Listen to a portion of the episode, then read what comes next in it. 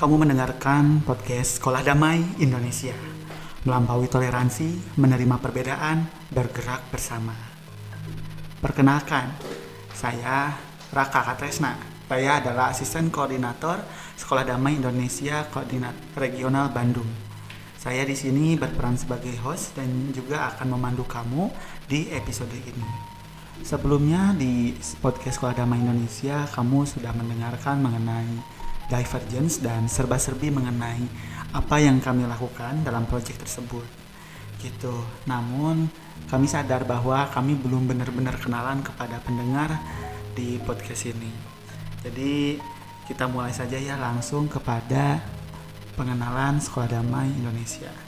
Jadi penting ya untuk kita untuk benar-benar tahu apa sih Sekolah Damai Indonesia dan bagaimana kita um, bekerja dan juga berkolaborasi menuju visi misi yang kami miliki gitu dan mungkin berikutnya akan dimiliki oleh kita bersama.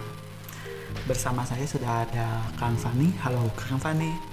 Halo Raka, terima kasih juga untuk memfasilitasi podcast ini. Selamat siang teman-teman semua. Perkenalkan nama saya Fani S. Kebetulan di sini saya adalah regional coordinator dari uh, Sekolah Indonesia Regional Bandung. Uh, sekali lagi Raka terima kasih ya untuk uh, memfasilitasi saya di sini. Oke, itu sekilas perkenalan mengenai Kang Fani dan di episode ini aku ingatkan bahwa kita akan berkenalan dengan Skodi. Nah, jadi ini yang pertama yang muncul oleh teman-teman yang baru tahu tentang Skodi. Apa itu Skodi?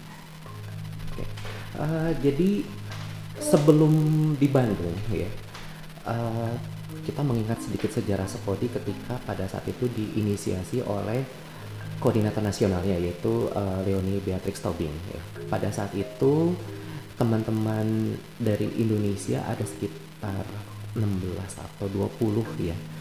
Pada saat itu mereka mengikuti pelatihan sekolah damai internasional atau School of Peace International di Bangalore, India pada tahun 2015 dan ketika mereka selesai tiga bulan pelatihan yang sangat intens tentang konflik, resolusi konflik, community organizing ya dan bagaimana uh, membentuk satu uh, gerakan pada akhirnya ya yang bisa meluas gitu ya untuk perdamaian dan mencapai keadilan sosial untuk bersama. Nah, uh, pada tahun 2016 teman-teman alumnus dari uh, School of Peace International di Bangalore ini membentuk uh, ikatan uh, perkumpulan atau asosiasi yang sudah dilegalkan dalam badan hukum sehingga sebetulnya sekolah damai Indonesia ini memang sudah berbasis hukum ya sudah legal gitu ya. Uh, lalu ketika pada akhirnya Eh, teman-teman uh, mulai berkegiatan berkegiatan dan pada akhirnya sampai pada tahun 2018 ketika Leoni mengontak saya secara uh, pribadi untuk menginisiasi gerakan sekolah damai di Bandung pada saat itu. Pada waktu itu tuh bulan Februari ya kakak ya 2018 dan yeah. pada saat itu uh, Leoni secara intens akhirnya membentuk satu program dengan bantuan saya juga mulai dari bulan uh, Februari sampai bulan Mei 2018 ya. Nah, uh, tentu uh, awalnya sih kalau misalnya kita mau pikir secara sempurna kami menginginkan program yang benar-benar nyaris sama dengan program yang di Bangalore ya.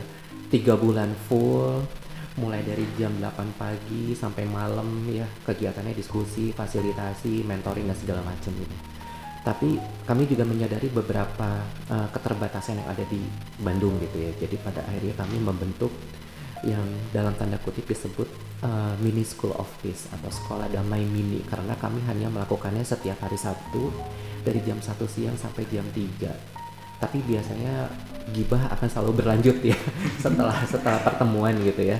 Nah jadi konsep yang diperkenalkan uh, oleh Leoni pada saat itu masih tetap uh, tidak jauh-jauh dari konflik, resolusi konflik dan pada akhirnya ditutup dengan satu program uh, community organi organizing.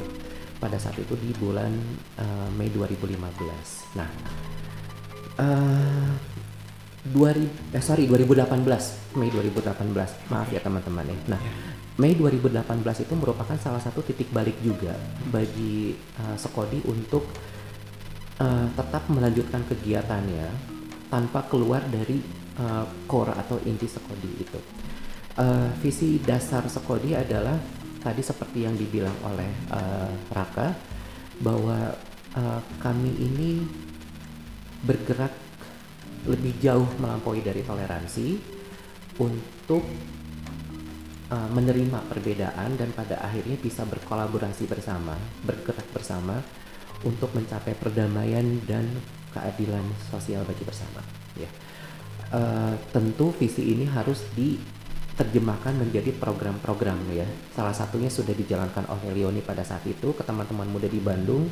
Dan antusias uh, antusiasme teman-teman muda juga uh, cukup baik ya. Sehingga pada saat itu Leoni menawarkan kalau misalnya sekolah damai Indonesia ini dilanjutkan bagaimana gitu ya. Saya menjawab setuju.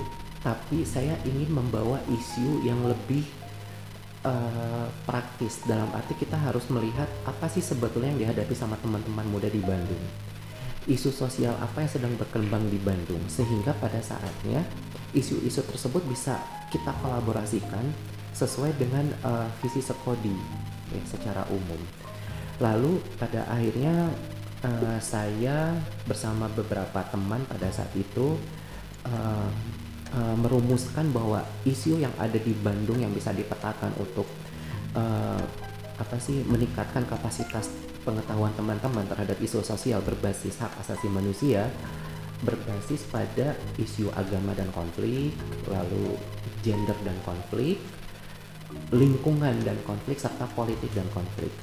Setelah itu uh, masih ada beberapa fokus tambahan seperti bagaimana kalau misalnya kita memperhatikan kelompok minoritas lainnya seperti teman-teman uh, disabilitas atau teman-teman lansia. Karena bagi kami uh, ketika kita bicara tentang uh, toleransi itu tidak hanya ber, tidak hanya berfokus sama satu sisi ya, tapi kita harus menyebar kepada sisi-sisi lainnya. Karena kita juga memiliki masalah yang sama, kita juga memiliki kita yang sama sebagai manusia gitu, dasarnya. Jadi uh, mulai bulan Juni 2018 dan berkelanjutan hingga sekarang uh, saya uh, menjabat re sebagai regional coordinator lalu dibantu sama teman-teman seperti uh, Raka juga ya untuk uh, menyusun program dan program itu masih berjalan hingga sekarang. Programnya masih tetap sama dalam bentuk diskusi setiap hari Sabtu. Oke, terima kasih atas penjelasannya yang lengkap sekali mengenai Sekolah Damai Indonesia. Nah, untuk informasi lebih lanjut mengenai Sekolah Damai Indonesia, kamu bisa cari tahu melalui Instagram di @sekolahdamai_indonesia atau kamu juga bisa menyukai fanpage Sekolah Damai Indonesia di Facebook gitu. Itu untuk uh, informasi mengenai media sosial Sekolah Damai Indonesia. Kemudian ini ya karena kita sudah kalau aku ya di Sekolah Damai Indonesia ini sudah mau ke ke satu tahun lebih berarti ya dari tahun 2019 saya bergabung gitu.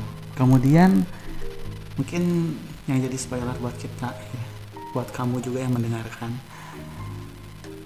apa sih yang akan dilakukan oleh Sekolah Damai Indonesia di tahun 2021 mendatang? Wow, ini pertanyaannya berat ya. Iya.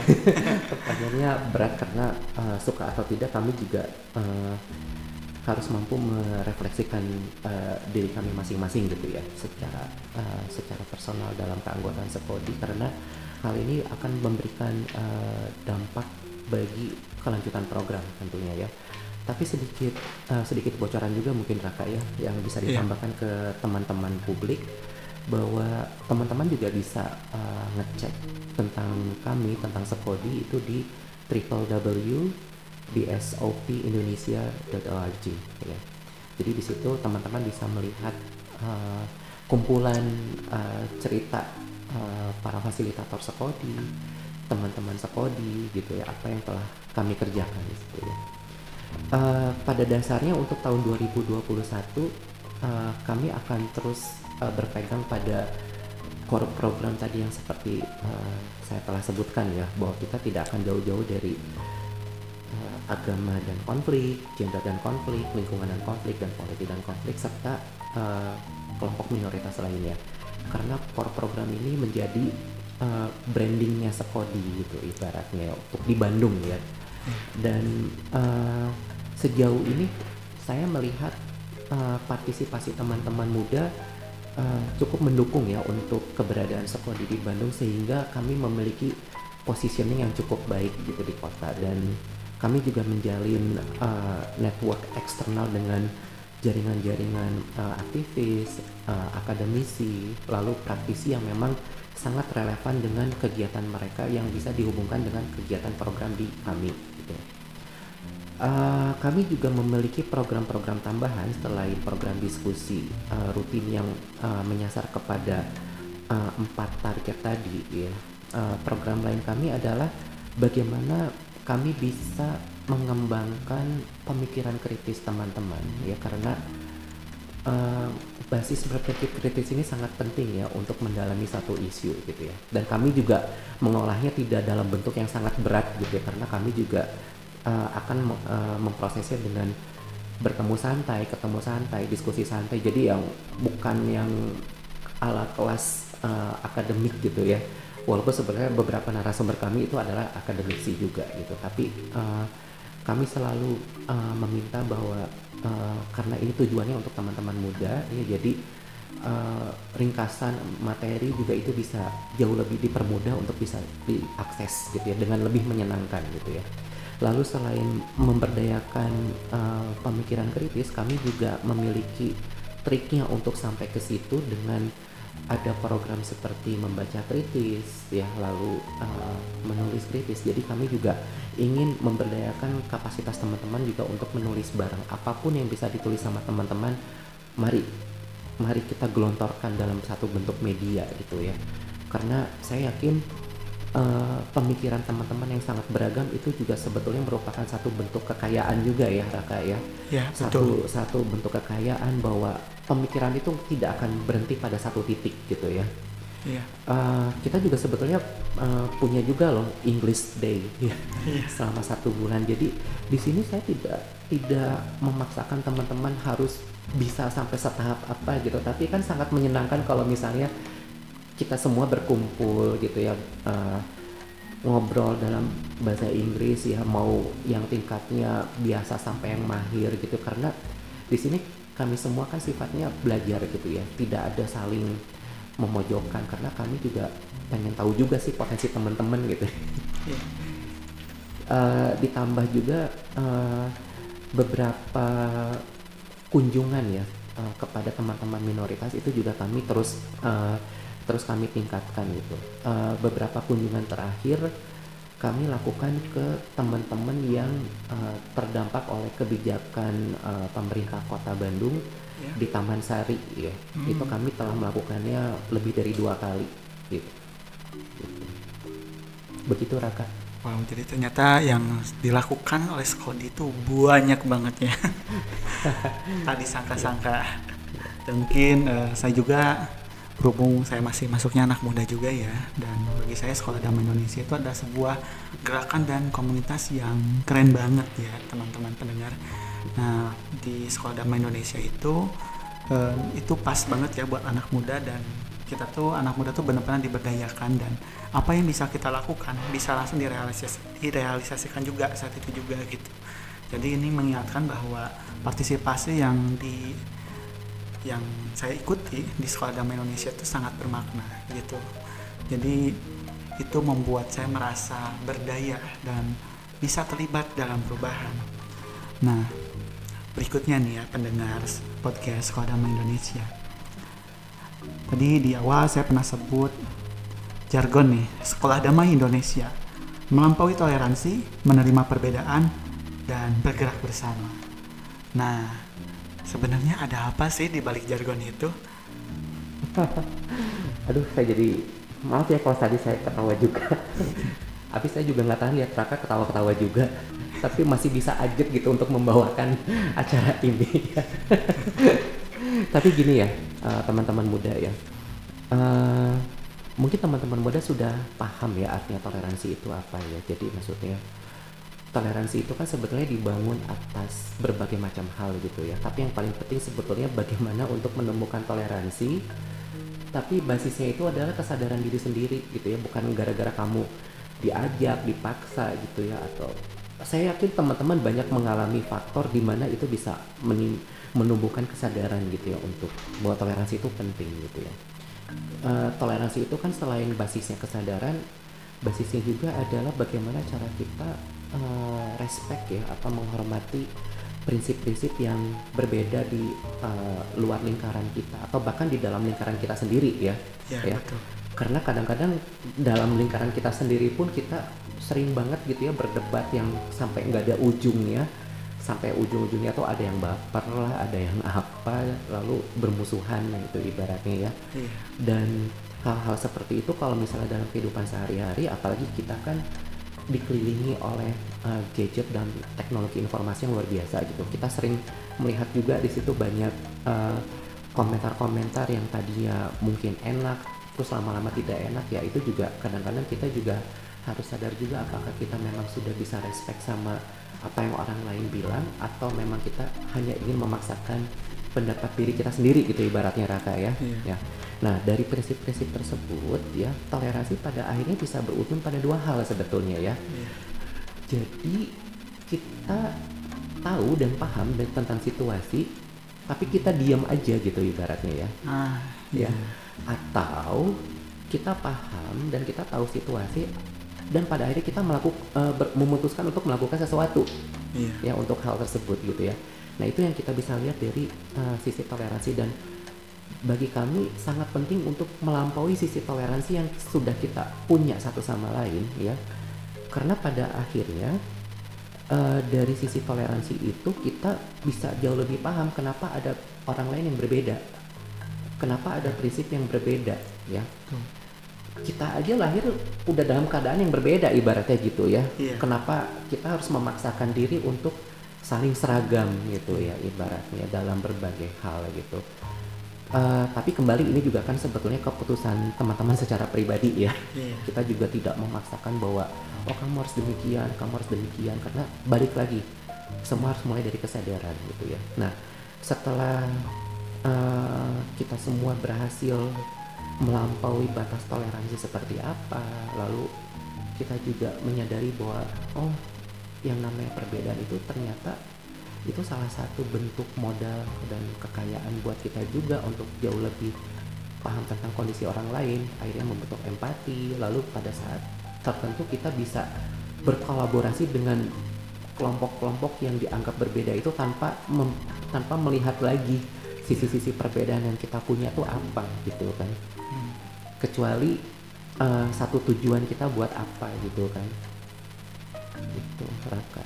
Oke. Okay, ya jadi ketika kalau disimpulkan jadi dari penjelasan Kang Fani tadi jadi Skodi itu bergerak di toleransi penerimaan dan keterlibatan. Nah jadi itu adalah proses gitu ya. Jadi perdamaian itu dirasakan sebagai suatu proses gitu ya. Jadi tidak seperti yang nampak gitu ya damai gitu. Nggak ada kekerasan gitu.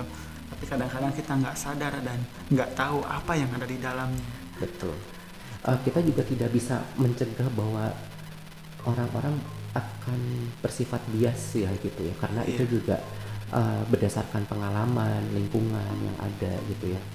Justru kita juga mesti paham ya bukannya menghakimi mereka gitu ibaratnya. Mm, betul.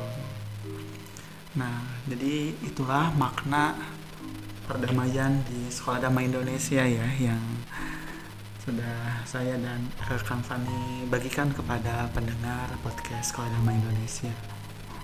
Jadi sepertinya itu semua ya. Tapi saya boleh uh, ngomong sesuatu nggak tentang Raka juga untuk teman-teman publik? Oke. Okay. Ya.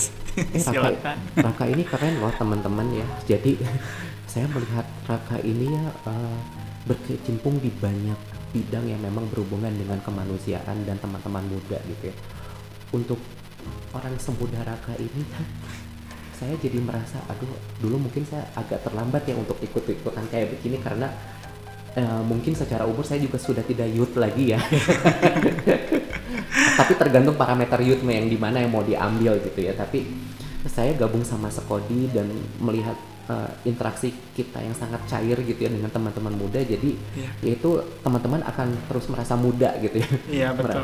Eh, merasa muda merasa terus belajar dan mengasah gitu ya ibaratnya. Dan saya ngelihat Raka ini perjuangannya aduh gila ya. Saya sendiri sampai yang aduh ampun ampunan gitu ya sama sama Raka ini gitu yeah. ya. Iya. karena pengalaman juga pada akhirnya membentuk diri kita ya. Betul tidak ya? Iya, jadi uh, pengalaman itu juga membentuk diri kita untuk melihat uh, bagaimana diri kita menyikapi uh, isu-isu sekitar kita bahkan eksternal kita gitu ya. Lalu uh, pengalaman uh, Raka di berbagai lembaga dan organisasi muda gitu itu juga sangat uh, membantu uh, dia untuk uh, berjejaring lebih lebih banyak, lebih profesional melakukan kerjanya di Sekodi Bandung juga lebih wow gitu ya, melebihi ekspektasi gitu ibaratnya. Jadi ya sebetulnya apa yang kami lakukan ini pada akhirnya menjadi sama-sama menjadi satu uh, ruang untuk saling berapresiasi ya dan satu lagi Raka ya yeah. Iya. uh, selain uh, membuka peluang teman-teman muda untuk uh, berjejaring lalu udah gitu mempelajari isu perdamaian dan isu sosial berbasis hak asasi manusia Sekolah Damai Indonesia terutama di Bandung juga uh, merupakan salah satu bentuk atau perwujudan dari uh, ruang aman atau media aman untuk teman-teman muda untuk berekspresi ya. Jadi uh, jangan takut untuk uh, berekspresi soal pendapat ya. Ekspresi ya beropini atau sejenisnya you can do it all gitu ya tanpa perlu merasa takut untuk dihakimi gitu begitu. Terima kasih Raka dukungannya juga terhadap Sekodi ya. Ya terima kasih juga atas sanjungannya kok pujiannya. Terima kasih banyak. Kemudian tadi yang aku catat kembali bahwa Sekolah Damai Indonesia itu sudah menyediakan ruang aman untuk siapa pun sehingga mereka bisa e, berdaya bergerak gitu ya untuk sesuatu yang dia nilai baik untuk dirinya dan juga lingkungannya gitu ya ruang aman soal ruang aman ini emang kadang-kadang ya sulit ya untuk kita bebas berekspresi gitu ya di e, lingkungan sosial kita atau, ataupun di masyarakat gitu ya. Jadi sebenarnya mungkin ini menjelang akhir itu ya. Apa sih yang membuat Skodi itu jadi ruang aman dan semua orang yang bergabung itu bisa menyampaikan, mengekspresikan apa yang jadi uh, ada di dalam dirinya. Jadi begini ya, karena uh, karena kesadaran diri untuk melampaui dari toleransi tersebut, uh, itu membuat teman-teman juga sadar untuk bisa menerima perbedaan itu secara terbuka secara tulus gitu. Jadi teman-teman juga akan lebih mampu untuk uh, menerima banyak sisi-sisi perbedaan dari teman-teman satu sama lain dari segi agama, budaya, uh, gender bahkan gitu ya. Atau bahkan kita juga melihat sisi-sisi lain teman-teman yang mungkin belum pernah kita lihat satu sama lain gitu ya. Yeah. Iya. Uh, kuncinya adalah tetap uh, respect mengerti dan empati pada akhirnya ya. Hmm. Jadi uh, kita juga tidak membiasakan diri untuk uh, menghakimi ini salah benar atau bagaimana tanpa mengerti dulu basis yang mereka alami atau teman-teman alami itu apa gitu. Karena setiap orang itu memiliki pengalaman yang berbeda-beda. Kita tidak bisa mengeneralisir keseluruhan gitu ibaratnya. Betul tidak rata ya. Iya, betul. karena itu akan menjadi basis bagi kita uh, terutama untuk teman-teman muda di sekolah damai untuk uh, menciptakan ruang aman itu sendiri ya. iya. dan teman-teman muda yang bergabung di sekolah itu secara tidak langsung merupakan bentuk representasi ruang aman itu sendiri kepada teman-teman sebayanya atau teman-teman di luar lingkarannya begitu oke jadi itulah bagaimana ruang aman bisa terbentuk di sekolah damai Indonesia gitu jadi saya pikir ini merupakan bagian akhir dari episode ini jadi itulah serba-serbi mengenai Sekolah Damai Indonesia ya, terutama untuk dari yang Sekolah Damai Indonesia Bandung. Kamu juga akan mendengarkan eh, cerita-cerita dari Sekolah Damai Indonesia regional yang lainnya di episode berikutnya. Itu dan jangan lupa untuk juga follow dan juga sukai fanpage kita. Untuk Instagramnya ada @sekolah_damai_indonesia dan untuk fanpage Facebooknya ada Sekolah Damai Indonesia dan juga ada website www.bsop Indonesia. indonesia.org ya. Atau kalau ribet ya. Kalau pusing bahasa Inggris jadi www.bsopindonesia.org gitu. Atau ketik di Google juga BSOP Indonesia udah langsung keluar. gitu ya buat yang eh, capek apa namanya nggak mau ribet gitu ya. Ngetik di itu di address bar langsung aja buka Google BSOP Indonesia gitu. Jadi ini adalah eh, akhir dari episode mengenai pengenalan sekolah damai Indonesia yang nasional maupun yang regional Bandung dan saya Raka Katresna selaku host dari episode ini dan juga Fanny Terima kasih Raka ya. Oke. Ya, kami pamit undur diri. Sampai jumpa di episode berikutnya.